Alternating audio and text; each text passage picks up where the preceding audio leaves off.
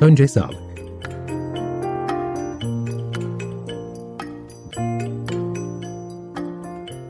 Hazırlayan ve sunanlar Ayşegül Tözeren ve Selim Badur.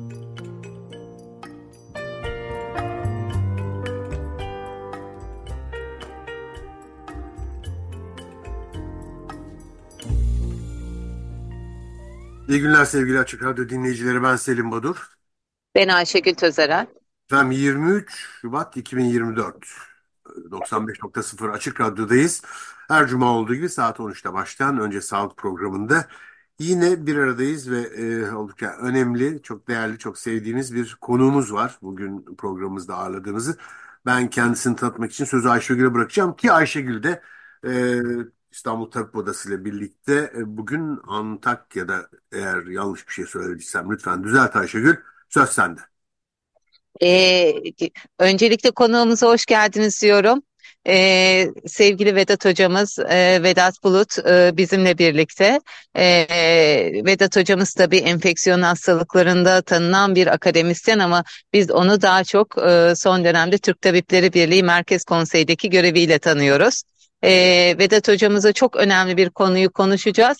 Ben de e, Türk Tabipleri Birliği ile birlikte sadece İstanbul Tabip Odası değil aramızda evet. Adana Tabip Odası var, e, Antakya Tabip Odası var, e, Diyarbakır Tabip Odası var, Bursa Tabip Odası var, İzmir Tabip Odası var, İstanbul Tabip Odası var. E, ne olur e, eksik bir tabip odası saydıysam beni affetsinler muhakkak eksik saymışımdır. Manisa Tabip Odası var şimdi beni uyarıyorlar e, hep birlikte Adana ve Antakya e, yolculuğuna çıktık. E, Adana ve Antakya'da bu dönemde depremden sonra çok kez bulunduk ama bu sefer e, Yaşar Kemal anmasını Antakya'da yapmaya yola çıktık. Bugün de Adana'da bir panelimiz, bir konuşmamız var. Ardından da yarın sabah itibariyle Antakya'ya yola çıkacağız. E, ilk kez de Yaşar Kemal anması Adana dışında bir kentte yapılacak bu yıla özgü olarak Antakya'da gerçekleştirilecek e, Adana'ya, e, Antakya'ya doğru yola çıkacağız biz de. E, çok sarsıldığımız en güneye gideceğiz. E, Vedat Hocam hoş geldiniz. Bizim konumuz da çok önemli. Mobbing konusunu işleyeceğiz bugün. E, gerçekten herkesi aynı yerden kesen bir konu mobbing bütün emekçileri, bütün çalışanları. Ee, böyle de önemli bir konumuz var ama biz yollarda olacağız. Değerli Ayşegül, ben de çok teşekkür ediyorum. Ee, sizlerle birlikte olmak, Selim e, hocamla ve sizle bu radyo programında olmak büyük bir onur benim için de. Ve bu önemli konuyu da gündeme getirdiğiniz için tekrar teşekkür ediyorum. Saygılar sunuyorum. Çok teşekkürler Vedat'cığım sağ olasın. Vedat Hocam yalnız Selim Hocam e, Edebiyat Kolu etkinliklerini boşluyor. Hemen dinleyicilerimize şikayet edeyim. Vedat gelmiyor mı? bizimle. Evet evet bizimle kaç, gelmiyor. Kaç, kaç parça olmak istiyorsunuz? Bir tane Vedat var ya.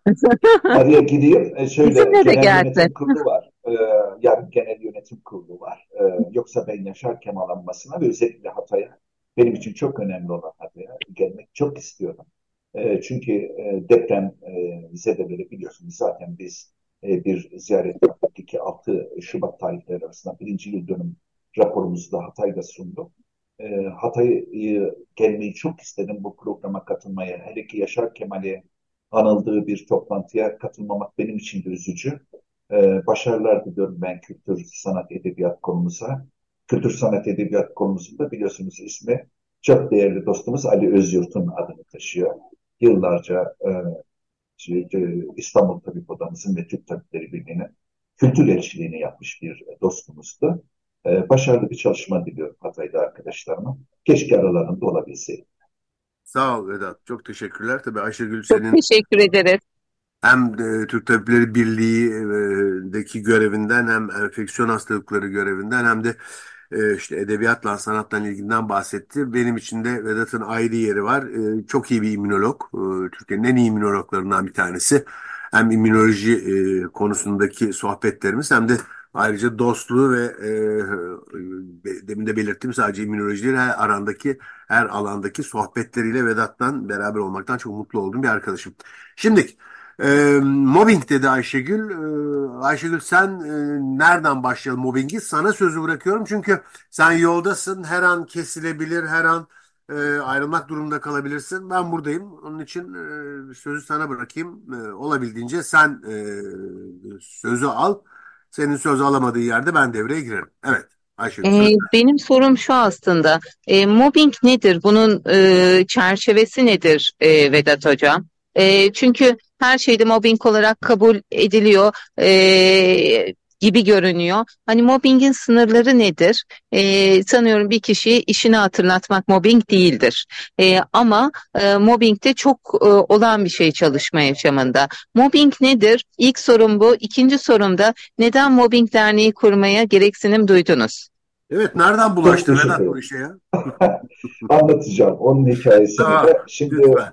E, mobbingi şöyle tanımlıyoruz. Bir iş yerinde bir kişi veya bir grup tarafından yine bir kişi ve bir gruba karşı asıl, asıl maksat gizlenerek belirli bir süre sistemli ve tekrarlanan ve mağdurun da ekonomik, psikolojik, fiziksel, sosyal statüsünde olumsuzluklar meydana getiren bir olaylar türü.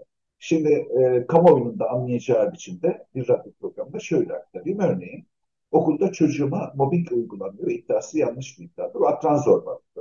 Çünkü bizlere gelen e, binlerce şikayeti bizler inceliyoruz. Uzmanlarımız var, yönetim kurulu üyelerimizle birlikte.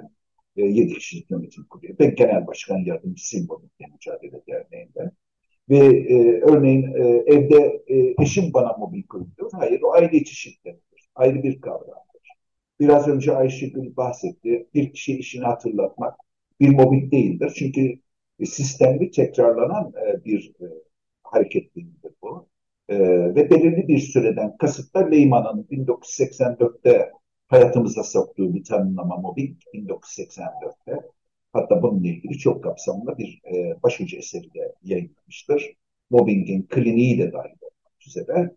Orada şöyledir, 6 ay gibi bir süre. Yani e, 6 ayın altında süren baskı sürecini bir mobbing olarak tanımlar e, Leyman.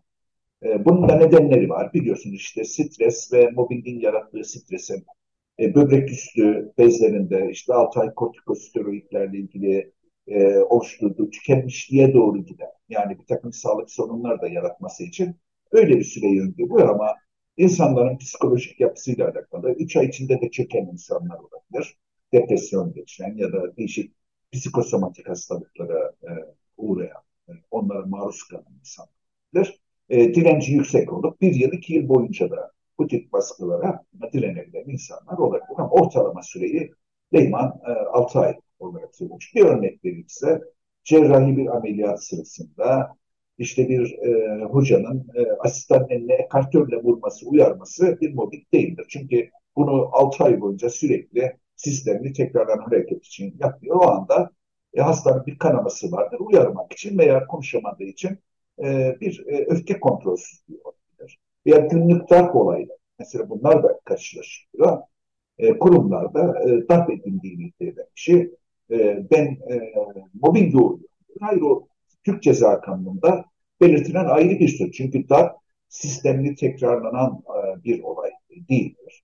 E, bunlarla ilgili de bizim zaten tanımlayıcı eğitim programlarımız var değişik konulara. Biz eğitim programlarında şunu gözlemledik değerli Ayşegül değerli Selim Hocam. E, yüzde 85 insan mobbinge maruz kaldığını iddia ediyor. Yani yapılan istatistiklerde yüzde 85 Türkiye'de kurumlarda e, biz mobbinge uğradık diyorlar. Ama mobbingin tanımı yapıldıktan sonra bir gün sonra bu tanımlama üstünden aynı anket yapıldığında bu oranın yüzde 60'a düştüğünü görüyoruz. Bu ne demektir? Tanımlamayı öğrendikten sonra insanların yüzde 25'i aslında e, yan, e, yanlış olarak kendini mobbing mağdur olarak ifade ettiklerini anlamış oluyorlar. E, daha sonra eğitim programı yapılıyor. Üç günlük, dört günlük. Bu yapılandırılmış eğitimler o kurumdaki katılımcıların sayısına ve e, statülerine göre çünkü birkaç grup halinde eğitim veriliyor. O eğitimden 21 gün sonra içselleştirmeye bak bakıyoruz. Ve içselleştirme e, geliştikten sonra tekrar bir anket yapıldığında bu oranın %25'e düştüğü görülüyor. Bu da şunu ifade ediyor bize. Yani %25 ile %60 arasındaki fark bilinçsiz yapılan mobbing çok yaygın. Yani e, bilinç, lakap takma, o kişilere kırıcı şakalaşmalar yapma. İnsanlar bunları bazen hani nezaketsizlik ve kabalığı bir kültür haline getirmiş olan insanlar bunun aslında bir mobbing olduğunu ve iş yerinde e, üretimi düşürdüğü, iş yerinde aidiyet duygusunu azalttığı, iş barışını zedelediği düşüncelere sahip olunca hareketleri terk ediyor ve yüzde yirmi beşe bu düşebiliyor kurumlarda. E, bu da bilinçsiz yapılan mobbing dedi. E, ki ifade ettiğim bu. E, Türkiye'de e, Mobbingle Mücadele Derneği niçin kuruldu diye e, sorarsanız bu tüm dünyada e, bir e, artan trend halindeydi 84'te ama 2004 yılında e, kurucu başkan Hüseyin Gül ki ben e, kuruluş döneminde yokum, kurucu üyeler arasında da değilim, onu ifade edeyim. E, bir mobbing mağdur kendisi, bir kurumda çalışırken ağır bir mobbinge maruz kalıyor ve mobbing mağdurları böyle işte sosyal medyanın da gelişmesi, e, e, e-posta e, portal, haberleşme portallarının artmasıyla e, bir araya gelerek bir e, mobbingle mücadele derneği kuruyorlar. Benim dernekle tanışmam 2010 gibidir, onu ifade. E, çünkü 2008'de Ankara'ya gelmiştim. Derneğin genel merkezi Ankara'daydı ve 19 temsilciliği vardı. İllerde de temsilciliği vardı. İstanbul, İzmir, Erzurum, Ankara, Adana gibi yerlerde temsilcilikler vardı. E, ben e, bir e, teklif üzerine e, katıldım. Yani e, bu grup bana gelerek hocam bizim eğitim programlarımıza katkı sunar mısınız dedi.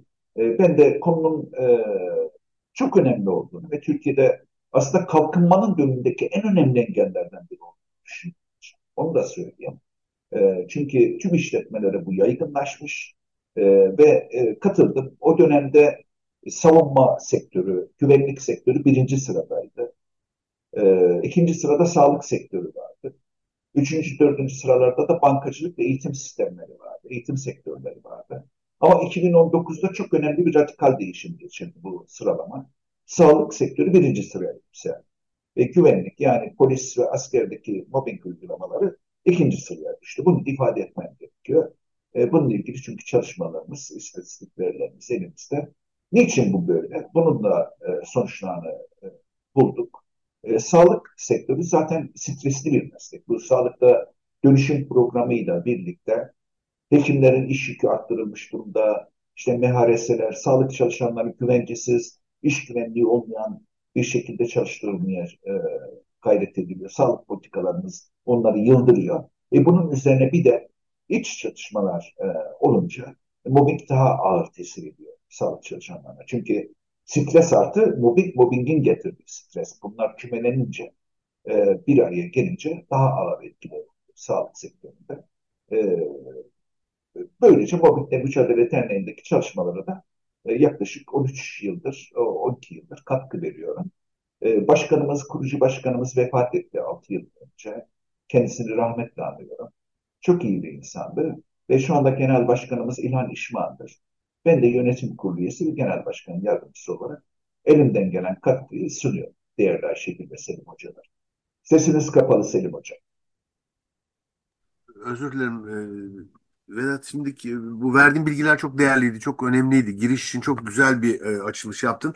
Ee, bahsederken e, sayısal değerlerden insanların yüzde 85'i mobbinge uğradık diyorlar ama daha sonra eğitimle işte e, e, yapılan içselleştirmeyle oran yüzde 25'e düşüyor. Yüzde 25'e düşüyor dediğin zaman 4 kişiden birinin e, mobbinge uğradığı anlaşılıyor. Bu çok yüksek bir oran aslında. E, yurt dışı ile kıyaslandığı zaman e, ne durumda Türkiye? Yani ta, e, mobbingin yüksek oranda uygulandığı bir ülke mi? E, üstelik e, özellikle sağlık sektöründe e, mobbing uygulaması yoğunlaştı son yıllarda diye e, bir bilgiyi yine bize aktardın. E, bu konuda da bir iki örnek vermem mümkün mü? E, sağlık sektöründe nasıl e, mobbing uygulanıyor? Yani e, bir patron e, iş yerinde yapıyor ya da e, emniyet kuvvetlerinin mobbing uygulaması bunu anlıyorum da sağlık sektöründe e, biraz aç, açarsan belki daha iyi anlaşılacak. Ee, ben öncelikle batılı örnekleri vereyim. Evet. Örneğin Amerika'da mobbing bir kültür haline gelmiş durumda. Yani rekabet çünkü. Rekabet içinde karşı taraftaki adayı bir şekilde elemek için, onun e, yerine gelebilmek için e, ona karşı mobbing uyguluyor ve bankacılık ve farmasötik endüstri örneğin e, şeyde Amerika'da birinci sırada. Yani onlar daha yukarıdalar mobbingde. Türkiye'nin dışında. Ama mesela bir örnek vereyim. Japonya'da aidiyet duygusu çok yükseltilmiş, daha düşük. Ve İngiltere'de 1960'lı yıllardan sonra bu Kaizen kültürü dediğimiz yani Japonya'daki da, daha iyileştirme, iş yerindeki yönetimi iyileştirme kavramı Kaizen kültürüne geçtiği için 1960'lardan sonra pek çok kurum özellikle katapult dediğimiz teknoloji merkezlerinde ya da üniversitelerde bunu engellemiş. Mesela bir örnek vereyim. E, Glasgow Üniversitesi'nde fizyoloji departmanının üç tane kapısı vardır. Bu e, şeyle alakalı, yönetime bakış açısıyla alakalı bir şey. Türkiye'de akademilerde mobbing çok yaygın. Bu örneklerini de vereceğim.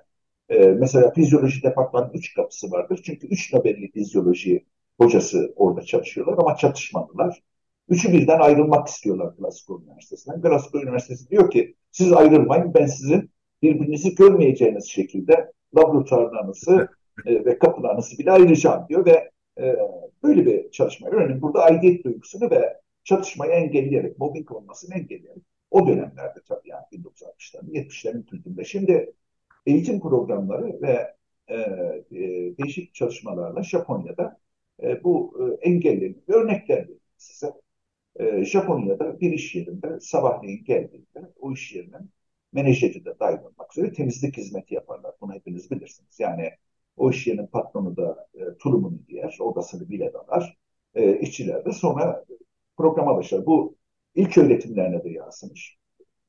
Eğitim programlarında da görüyorsunuz. Öğrenciler önce gidiyorlar. Burada temizliklerini yapıyorlar. Çıkınca temizliklerini yapıyorlar. Böyle bir sosyal sorumluluk ve aidiyet duygusu geliştiriyorlar ve herkese mesela yemekhaneleri aynı yer. Bakın Türkiye'de bizim hastanelerimizi bilirsiniz. E, yemekhaneler, hocalar ayrı bir yerde yer, asistanlar ayrı bir yerde yer. Sağlık Öyle. çalışanları, temizlikler, kas sistemi vardır. Yani bu e, şark e, şeyinden kaynaklanan, geleneklerden kaynaklanan bir e, kas koruyuculuğu vardır. Halbuki e, siz aynı yerde yemek yediğinizde bir aidiyet duygusu geçir. İnsanlar e, birbirlerinden e, bir sentez geliştirirler. Bir değişik bir kültür, daha bir e, paylaşımlı bir kültür gelişir. O insanlar daha üretken olurlar. Yani bir hastane başhekimiyle aynı ortamda bulunmak bir e, işçi için önemlidir. Bir e, asistan için önemlidir. Hocasıyla beraber aynı ortamı paylaşmak. E, İngiltere'de bu uygulanıyordu. Yani yemekhaneler ortaklaştırılmıştı ama Türkiye'de örneğin ben de yöneticilik yaptığım dönemde bunu başaramamış bir insanım. Başhekim olarak duvarları kaldırıp bütün yemekhaneleri birleştirmeye kalktığımda akademik kurul toplanmıştır ve bunu engellemişlerdir. Yani e, bunun olmaması gerektiği söylenmiştir. Bu mesela bu ileri yönelik bir dışlama e, prosesidir. Hani bir kişi veya bir grup diyoruz. E, bu mesela bir mobbingin ana çerçevelerinden biri. Bir diğeri örneğin kişiye iş tanımlamalarının yapılmaması, kurumsallaşmanın olmaması. Biliyorsunuz bu akreditasyon süreçlerinde Türk Standartları Enstitüsü, İZO gibi belgelendirmelerde bir takım iş denetim mekanizmaları ve çemberler geliştiriliyor. Demokratik katılımla e, çalışanların e, genel yönetim kültürüne olan katkıları isteniyor. E, bu çoğu kurumda kağıt üstünde kaldı ama bir birkaç kurum uyguluyor. Ve bununla ilgili eğer aramızda varsa örneğin Eskişehir'de Eskişehir'de başarıyla bu akreditasyonu çalışmaları çünkü kültürle alakalı. Yani kolektif üretim, işte insanların birbirlerine saygı, nezaket gösterme. Örneğin İzmir. İzmir'de bu çok daha kolay uygulanabiliyor ama e, diğer illerimizde biraz daha zor. E, şöyle gelişiyor. E, iş tanımlamaları olmayınca kişinin işi olmayan işleri vermek bir mobbing davranış. Halbuki bir öğrencinin dahi, örneğin bir stajyer 3. 4. 5. sınıfta ve bir asistan hangi işleri yapması gerektiğini hangi işlerin onun iş alanı dışında olduğunu bilmesi gerekiyor. İşte bu tanımlamalar bu ISO ve TSE standartlarının içerisinde olan bir şey. Bunu koyduğunuz zaman o kişi işinin dışında bir iş yaptıramazsın. Ben çok iyi bilirim 1960'larda İstanbul'da hani hocaların öğrencilere, asistanlarına davranışlarını Selim Hocam çok daha iyi bilir. Yani yanında çantasını taşıtma, e, ameliyat ameliyat kurum kurum gezdirme, muayenehanesine bir asistanını götüren hocalar vardı. O dönemin kültürü artık şimdi kaptı. Bir de e, kuşaklar arası çatışmayı çok iyi anlamak gerekiyor. Artık Z kuşağı böyle bir davranış modelini kabullen. Yani kristal kuşak dediğimiz bir kuşak. Artık böyle tamamıyla biat etme, e, usta çırak ilişkileri, işte hiyerarşik ilişkileri, yaş ilişkileri bunda e, bizim özellikle kuşağımızın algılaması gerekiyor ve bu ilişkilerin daha sevecen, daha sevgi ve karşılıklı dayanışma e, kültürüyle e, deontolojik ilkeleri de ihlal etmeden Bu da çok önemli. Yani şimdi e, bizim deontolojimiz, e, deontoloji tüzüğümüzü biliyorsunuz. Davranışlarımız hani sağlık alanına getirdiğim konuyu. E, bu tüzüğü de ihlal etmeye çalışma. Şimdi bu 2003 yılından sonra değerli Ayşegül ve değerli Selim hocalarım e, Sağlık Bakanlığı'nın politikaları tam bir mobbing uygulaması hali.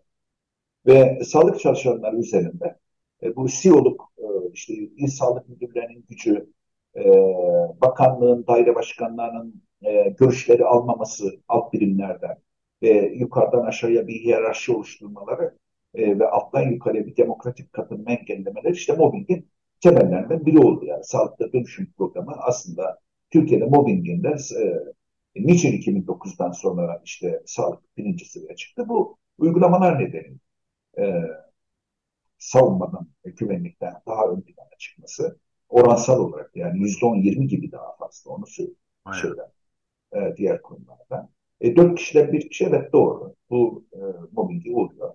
E, bir örneğin geçici görevlendirmeler e, ve çifte standart uygulamalar. Bir örnek verelim. Bir kurum içinde bir laboratuvar olabilir. Bu bir e, sağlık e, asemi olabilir. Eğer bir kişiye devamlı göreve gönderip bir kişiyi e, merkezde tutup Tabii. çalıştırmıyorsanız bu bir çifte standart aidiyet duygusunun kaybedilmesi. Ben bunun anlaşılması için e, öğrencilerime ve kurs katılımcılarına genelde şöyle anlatıyorum. Maslow'un e, ihtiyaçlar piramidini hepiniz bilirsiniz. Maslow'un ihtiyaçlar piramidine bakın.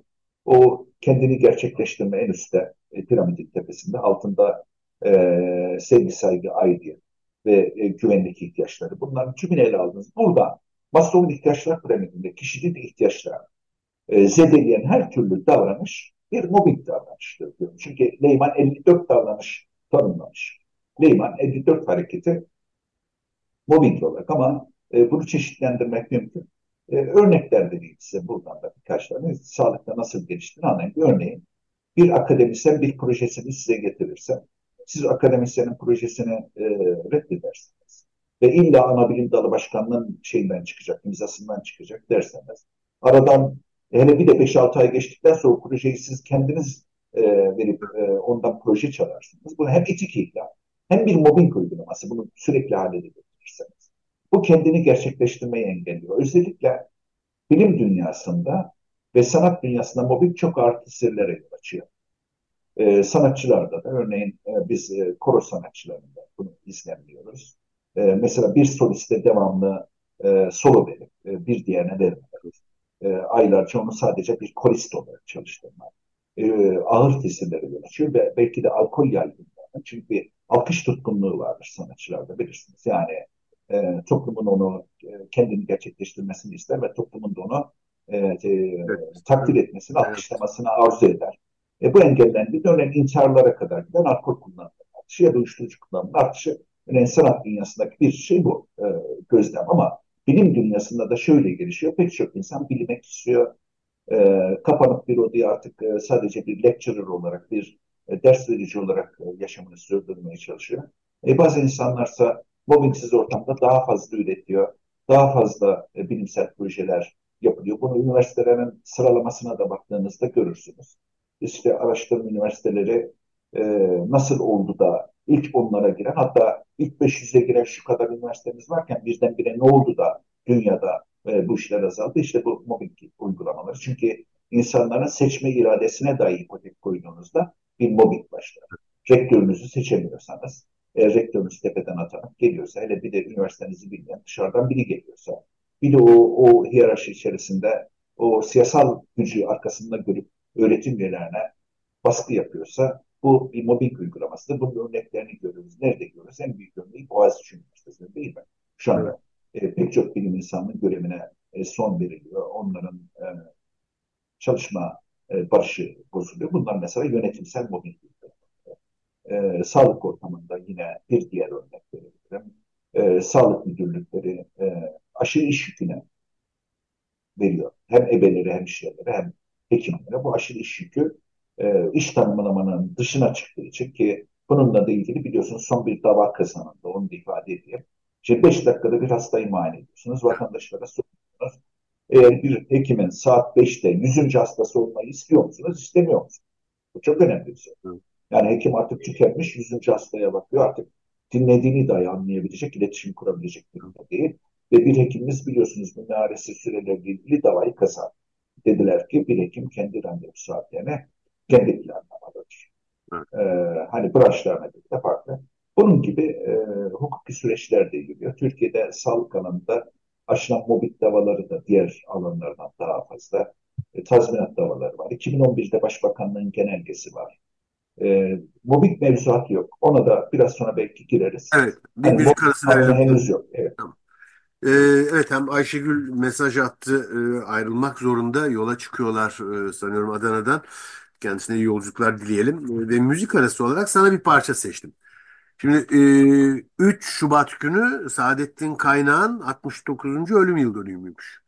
Ve e, Saadettin Kaynağ'a baktığın zaman e, bildik e, Türk sanat müziğinin klasikleşmiş sevilen parçalarının birçoğunun e, bestesini yapan önemli bir müzisyen. Hafızmış aynı zamanda ben bilmiyordum. E, kendisinin bir e, TRT programında, TRT arşivinde var bu parça. E, bir bayram günü büyük olasılıkla e, böyle bir müzik şenliği yapılıyor ve bir koro. TRT korosu. TRT korosunun içinde Türk sanat müziğinin e, klasik, çok sevilen, çok değerli sanatçılarından yok yok. Şimdi dinleyeceğimiz parçada Müzeyyen Senar, Safiye ile Semahat Özden Ses, artık Recep Bilgitler, İnci Çayırlar falan bir sürü bilinen sanatçı. Bunlar bir parça seslendiriyorlar. Biz de e, Saadettin Kaynağı anmış da oluruz. Parçanın ismi Kara Bulutları Kaldır Aradan. 23 Şubat 2024 e, Açık Radyo'dayız. 95.0 Açık Radyo'da önce sağlık programında konumuz Profesör Doktor Vedat Bulut. Kendisiyle mobbing konusunu konuşuyoruz. Aslında çok renkli kişiliği, çok donanımlı kişiliğiyle Vedat'la birçok konuyu konuşurduk ama e, bugün e, mobbing konusu gittikçe önem kazandığı için bu konuyu ele alıyoruz. Müzik arası olarak da Saadettin Kaynağ'ın bir eserini Kara Bulutları Kaldır Aradan isimli parçayı dinledik. Müzeyyen Senar, Safiye Ayla, Semahat Özden Ses gibi ünlü sanatçıların yer aldığı bir e, koro, bir fasıl e, parçasıydı. Darbuka'da da Güngör Hoşses e, oldukça da başarılı bir müzisyendi. Evet e, Vedat Hocam, şimdi biraz da Türkiye'deki mevzuattan bahsedelim istersen.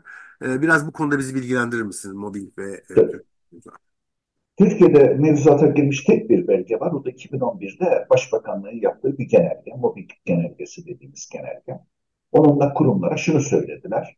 E, kurumunuzda mobbing önleyici çalışmalar yapmak durumundasınız. Mobbingle ilgili önlem almazsanız ya da mobbing uygulanırsa e, kurumda şu e, yaptırımlar olur gibi bir e, uzun bir genelgeydi. Şu andaki Cumhurbaşkanımız o dönemde başbakandı ve mobbingle e, mücadeleyle ilgili bu genelgeyi bizim derneğimiz çalışmalarıyla yani bizim derneğimizin etmeleriyle de e, gelişti. Ancak mevzuatı yok. Niye mevzuatı yok? e, mobbingin daha bağımsız bir mevzuatının geliştirilmesi lazım. Türk Ceza Kanunu'ndan, Medeni Kanunu'ndan, Borçlar Kanunu'ndan değişik maddelerden e, çekilerek yani oluşturulan bir hukuki süreç var. İnsanlar öncelikle mobbinge uğradıklarını tespit ettirip mahkemelerde e, işte tesis edilen işlem mobbing işlemi ise bunun yürütmesini durdurarak ya da mahkemeyi kazanıp iptal ettirerek arkasından tazminat davaları açarak e, mobbingle mücadele ediyorlar. Ama bu bunun e, derli toplu bir mevzuat halinde e, getirilmesi gerekir. E, bugüne kadar 5 bin lirayla 110 bin lira kadar aralıkta e, tazminatlar kazanıldı. Bunların Yargıtay e, kararlarını da biz e, şeyde paylaşıyoruz. Mobbingle Mücadele Derneği'nin bir web sayfası var. O web sayfasında örnek kararlar, emsal kararları paylaşıyoruz. Bazen e, Mobbingle Mücadele Derneği'nin desteğiyle e, bu davaları kazanan arkadaşlarımız da e, isimlerinin ya da yargı kararlarının genelde paylaşılmasını istemeyebiliyorlar doğal olarak. Yani e, bu da etik e, bir konu ve e, o açıdan da e, arkadaşlarımızın etik e, açıdan onların mahremiyetlerine de özen göstererek arzu edenlerin kararlarını paylaşıyoruz. Arzu edenlerine e, göstermiyoruz ama elimizde e, yüzlerce, binlerce dava örneği var ve başvuru örnekleri var bir başvuru formu var. Mobbingle Mücadele Derneği sayfasında. Orada e, yaptıklarında başvurularını değerlendiren bir komisyon var. O komisyon e, gerekli tavsiyelerini buluyor. İşte genellikle sorulan sorular nasıl tespit ettiririm, nasıl ispat ederim konusu. Onunla ilgili e, veriler anlatılıyor. Şöyle yapmanız lazım. Mahkemeye de evraklarını gidiyorlar. Türkiye'deki Bu, şu anda bu konuya Vedat pardon kesiyorum ama şu e, nasıl Tabii. tespit ederiz konusunu. Ee, onu bir, bir örnekle biraz daha açmak mümkün mü? Tabii ki mümkün. Bir kere e, bir mobbing mağdurunun mobbingi hissettiği ilk andan itibaren bir ajanda tutması gerekiyor. Bu ajanda çok önemli. Çünkü ileride depresyon ya da psikoza dönüşürse bu baskı, çünkü bir e, psikolojik taciz e, olayıdır. E, ve e, o kişi artık algoritması bozulacağı için kronolojik sıralama yapamayabilir. Yani bu hareketler işte falan gün bana şunu dedi, filan gün şunu yaptı, filan gün jest ve mimikleriyle aşağıladı, yanında şunlar vardı. Bir de tanıklarında ve gizli bir ajanda tutması gerekiyor. E, bunu e, bir günce şeklinde. E, ve e, sağlıkla ilgili de gelişmeler olduğunda, psikosomatik rahatsızlıkları geliştiğinde bu olaya bağlı olarak bunlar da tespit edilmesi gerekiyor. Bizim en sık rastladığımız e, problem şudur. E, örneğin depresyon geçiren kişi e, depresyonu kayda geçirmek istemiyor ve ilacını alıp kullanmak istemiyor. Nedeni de ya ileride kendisine karşı kullanılabilecek şeyi e, ve mesleki veya ailesi, aile içinde sorunlar yaşayabileceği için hatta mesela örneğin libido kaybı oluyor. Bir takım e, sorunlar yaşıyor ama eşini ifade edemediği için eşi şüphelenmeye başlıyor. Acaba bir evlilik dışı ilişkisi mi var diye ve evliliklerin bozulması, boşanmalara kadar giden e, sorunlar yaşayabilirler. Hani ekonomik, e, sosyoekonomik ve e, bir takım sağlık sorunlarının olması gerekir demiştim mobbingi tanımladığı sırada. Bunları tespit ettirmek gerekiyor. E, şunu yapanlar var. Örneğin depresyon raporunu almış olmasına rağmen bunu mahkeme idrakına koyup Hı. ama eczaneden depresyon ilacını alıp kullanmayanlar. Bunu da mahkeme tespit ediyor. Yani en büyük hatalardan biri de bu yine. Yani depresyonu tanı olarak kalıyor ama ilacını kullanıyor. Bu mahkeme tarafından rahatlıkla tespit edilebiliyor. Evet. E, ilacını alıp kullanmaması. E, hiç tanıyı koyduğum ilacı almamak da ayrı bir sorun. Çünkü bu mobbingin daha ağırlaşmasını sağlıyor. Yani depresyon bugün çağımızın hastalığı e, ve insanların e, bir sorunla karşılaştıklarında, uyku bozuklukları yaşadıklarında, anksiyete yaşadıklarında, ne bileyim bir takım sorunlar yaşadıklarında bir psikiyatristin, bir hekimin e, desteğini almalarında hiçbir sakınca yok. Hekimler de biliyorsunuz ki deontolojik ilkeleri gereğince hastalarını sırlarını korurlar. E, ama ileride mahkemelerde bu kullanılabilecek bir şey. Yine örneğin ülser e, sorun yaşanabilir.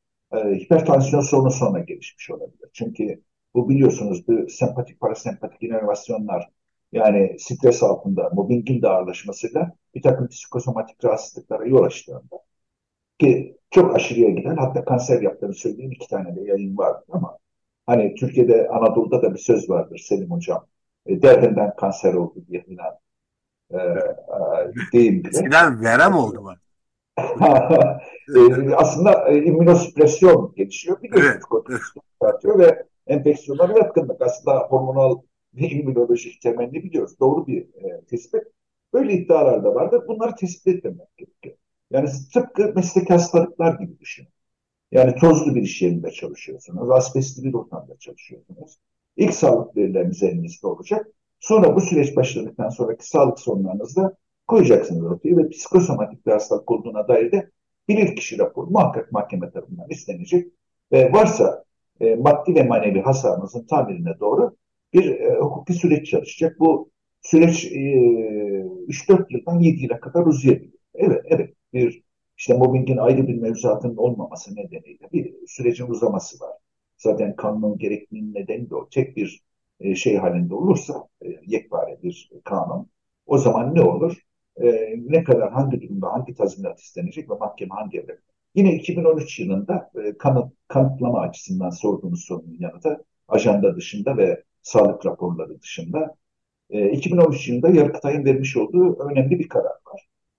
E, cep telefonlarıyla yapılan ses kaydı yani psikolojik tacizde bir delil olarak kay, e, kabul etti ve bunu kişisel hakların ihlali olarak görmedi. E, çünkü cep telefonu bir fenomendir. Yani herkes de var. Ama üzerine ayrı bir kamera alarak ya da ayrı bir kayıt cihazı alarak bunu yaparsa bu suç. Ama cep telefonu örneğin psikolojik ya da cinsel tacizi nasıl ispatlayacak bir insan? Başka türlü. Yani çünkü genellikle kapalı kapılar ardında e, olan bir e, eylemdir. Yani mobbing. E, kişi kişiye kaldığında değişir. Genellikle tanık tutmak istemedikleri için E, bir diğer e, tabii, kötü tarafta da bir tanık. İş yerindeki tanıklar işte sendikalara üye olmak ve meslek örgütlerine üye olmak burada önemlidir. Evet. Yani hani toplum e, bunu bugün sorabilir. Ya sendikaya niye aidat vereyim? Niye meslek örgütüme aidat vereyim? İşte bu nedenle. Siz gelin bütünleşik olduğunuz zaman mobbinge uğrama ihtimaliniz azalır. Çünkü arkanızda bir dayanışma var, bir örgüt var. Türk Tabipleri Birliği, Tabip Odası'nın, İstanbul Tabip Odası'nın, Adana Tabip Odası'nın üyesi olan bir kişiye daha kolay e, mobbing uygulanamaz. İş zorlaşır. Zorba açısından. Biz çünkü zorba tabirini şey için kullanıyoruz. Kurban tabirini e, mobbinge uğrayan, zorbaysa mobbingi uygulayan kişi. E, hatta onlarda böyle bir duygusal vampirlik anlayışı vardır. E, karşısındaki kişiyi incitmekten zevk alan insanlar vardır. Bunların emotional vampire diye de kitaplarda da öyle yazar. Leyman da böyle ifade etmiştir. Yani karşıdakini kanatmaktan zevk alan e, kişiler vardır. Hatta e, mobbing uygulayan zorbaların kişilikleri incelendiğinde örneğin narsistik personel disorder yani kelime, narsistik kişilik bozukluğu ya da e, bir takım kişilik bozukluklarının oldukları görülür. Onların yönetici olmamaları gerekiyor. Yani çünkü birçok şey bilinçsizlikten kaynaklanan zorbalığı engelleyebilirsiniz. Eğiterek o kişiyi e, zorbalıktan uzaklaştırabilirsiniz. Ama eğer bilinçli olarak yapıyorsa ve Tabii. şey olarak bir kişilik bozukluğunda bunu engelleyemeyeceğiniz için de kesinlikle e, yöneticilik verilmemesi gerekiyor. Bununla ilgili bir örnek anlatayım Lütfen. size. Bir hastanede yaptığımız çalışmada e, işçilere şunu sormuştuk. Yöneticinizin, başhekiminizin e, size karşı davranışlar en sevmediğiniz davranışı nedir? Soru bu.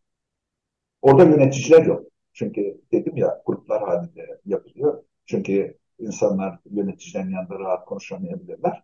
Şöyle bir şey ifade edildi. 40 yaşlarında bir işçi e, başhekimin koridorlarda gezerken e, yanaklarına dokunarak aferin ne güzel temizlemişsin bu koridoru diye tartif ettiğini ama e, bunu kendisinin üzdüğünü, çocuk gibi davranılmaktan e, şey yaptı, üzüldüğünü bahsetti.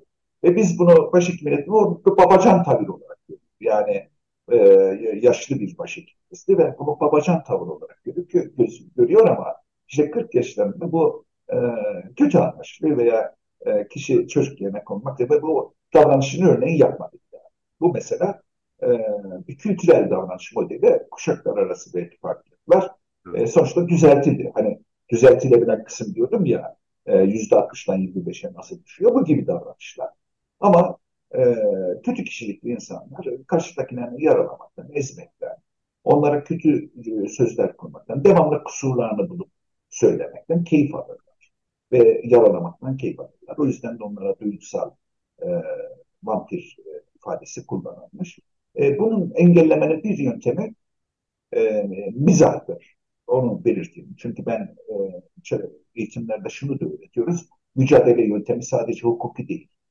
Bir taraftan da e, psikolojik hazırlık gerekiyor, destek gerekiyor veya işte dayanışma, biraz önceki bahsettiğim meslek örgütüyle.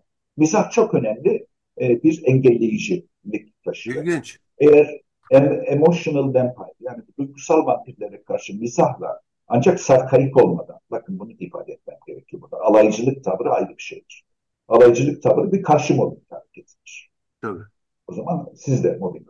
Ama ince bir mizahla e, tiye alırsanız o kişiler sizden uzaklaşıyor. Çünkü evet. bu sefer e, başka bir kurbana yönelmek zorunda hissediyor kendisini. Bunun çok sayıda örneği var ama burada radyo programında e, bunu bu kısıtlı vakitte anlatırsam e, çok şey olmaz. E, sonuçta tekrar başa dönersek bir ajanda tutacak, iki tanıklarını tutacak, bir meslek örgütüyle dayanışacak sendikayla da. Onun dışında e, gerekirse ses kaydı yapabilir. Gerekirse ses kaydı yapabilir. Cep telefonunda 2013'ten bu yana Yargıtay bunu bir suç olarak görüyor. O Yargıtay kararı da mobbingle mücadele derneği web sayfamızda vardır. Bir de sağlıkla ilgili neye kaybı uğradıysa bunun dokümanlarını iyi tutacak. Örnek verelim. Doktora gitti, ücret harcadı, işte e, eczaneye gitti, ilaç aldı, fark ödedi. Bunları kalem kalem toplayacak. Çünkü maddi manevi hasarını daha sonra neye göre de? Örneğin işe odaklanamadığı için kaza yaptı, trafik kazasıyla. Değil mi?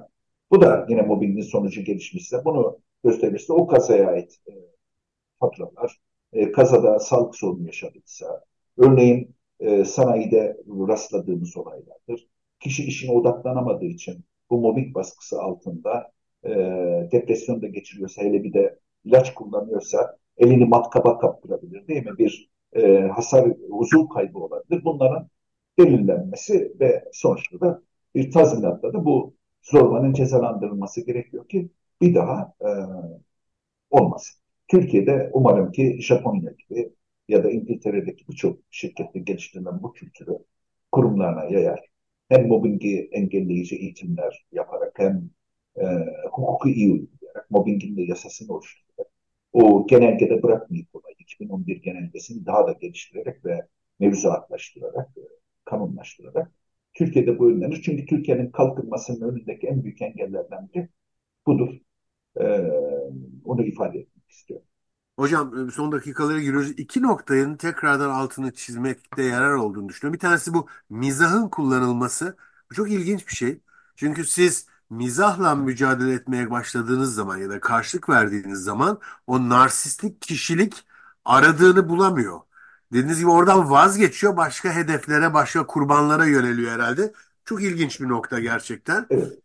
Bir diğeri de sizin etkilenmediğinizi görüyor. Sizin evet, evet, evet, evet. Ben şey, başarısız oldum diyor herhalde başkası. O zaman başka kurbana yöneliyor. Çünkü kan kokusu kendisinden gelmiyor. Çok önemli. Bu çok önemli ve e, belki küçük bir ayrıntı gibi görünüyor ama çok önemli olduğunu düşünüyorum. Bir de farklı ülkelerin kültürlerinden bahsederken Japonya'yı verdiniz, İngiltere'yi verdiniz. Ne yazık ki ülkemiz bir takım... Finlandiya'yı da katabilirim evet, buna. E, ülkemizde nedense buna daha açık bir kültür var aslında Türkiye'de de biat kültüründen kaynaklanıyor belki bu ayrı bir konu ama özellikle Amerika Birleşik Devletleri'nde bunun bir kültür haline gelmiş olması bu neoliberal politikalarla bana kalırsa çok paralel giden bir olumsuz gelişme toplumda. E, birazcık hani e, sağlıksız bir toplum yapısının da sonucu biraz bu Amerika'yı yani ya da mobbingin çok e, yüksek oranda uygulandığı ülkeye ait bir iki örnek verebilirseniz eğer böyle programı e, nokta alırız. Zaten konu Hollywood'a bile e, konulmuş bir şey. Yani bakarsanız orada banka, CEO, büyük şirketlerin CEO'larının birbirlerine yaptıkları komplo teorileri. Yani e, arkalarına senatörleri, işte parlamenterler alarak yaptıkları büyük oyunları gördüğünüzde e, bunu anlayabilirim. Bir örnek vereyim yine. E, bu vahşi kapitalizmle alakalı bir şey. Hani artık ne oluyor? Hani kovboy kültürü belki işte o Texas'tan gelen kim kimi daha hızlı vuracak anlayışının e, kültürünün bir yansıması. Bunun tüm eyaletler içinde söylemiyorum. Örneğin Boston'da kültür farklıdır. Hani sizler de Amerika'yı biliyorsunuz. E, ama bir Chicago'daki kültür farklıdır. Los Angeles'ta farklıdır. Şöyle ifade edeyim onu örnekleriyle. E, diyelim ki bir e, kurumda çalışıyorsunuz Amerika'da e, ve karşınızda bir ekip var. E, formal ve informal gruplar vardır. Bu şeyde de anlatılır. Bizim mobbingde e, nedenler arasında formal informal grupların en basit şekli futbol taraftarlığıdır. Orada da işte beyzbol taraftarlığıdır. E, bir diğer tarafta politik aidiyettir. Mesela eğer bir e, politik aidiyet varsa diğer politik aidiyetteki kişiyi orada barındırmak istemez. Böyle bir e, şey var. Türkiye'de de var, vardı mesela böyle bir kutuplaşma. Amerika'da bu demokratlar cumhuriyetler arasında. Çünkü o yapı içerisinde mümkün olduğu kadar çevresindekileri de kendi parti ve lobisinin içerisinde tutmaya çalışır ve e, öyle yönlendirmeye çalışır. Kurumlarda. Özellikle basın şeyinde böyledir. E, Amerika'daki basın kuruluşlarında böyle. E, yine farmasötik endüstrisinden bir örnek veriyorum size. E, şimdi e, siz çok iyi bilirsiniz bu cinsiyet ayrımı da aslında mobbingin bir nedenidir. Ee, e, Kuduz ile ilgili çalışmalar yapan bir hanımefendi vardı. Şimdi ismini hatırlayamıyorum. Hatta İmmünoloji Review'de onun e, bir kapak makalesi olmuştur. 1950'lerde o alana yöneldiğinde şu soruluyor. Niçin kuduz alanını seçtiniz? Rabies virüsü çalışıyorsunuz. Demiştir ki ben bir kadın olduğum için e, ki pozitif bilimlerde biliyorsunuz bilimsel araştırmalarda Batı'da Amerika'da kadın oranı yüzde beş gibi. Evet. Selim Hocam siz çok iyi bilirsiniz. Türkiye'de Atatürk sayesinde %35'lerde Macaristan bizden biraz iyiydi %45 ama son döneminde nasıl bilmiyorum. Ee, çocuk bakacak işte e, yani hani bir aile kavramı var e, o erilliği aşamıyor. Yani bir eril bir dünya var. E, riskli bir iş alabilir Sancak Akademi'de e, iş bulabildiğini ifade makalesinde. Dikkat ederseniz bu tip alanlarda mesela kadınlar biraz daha akademik e, iş alabiliyorlar. E, bir örnek daha verelim.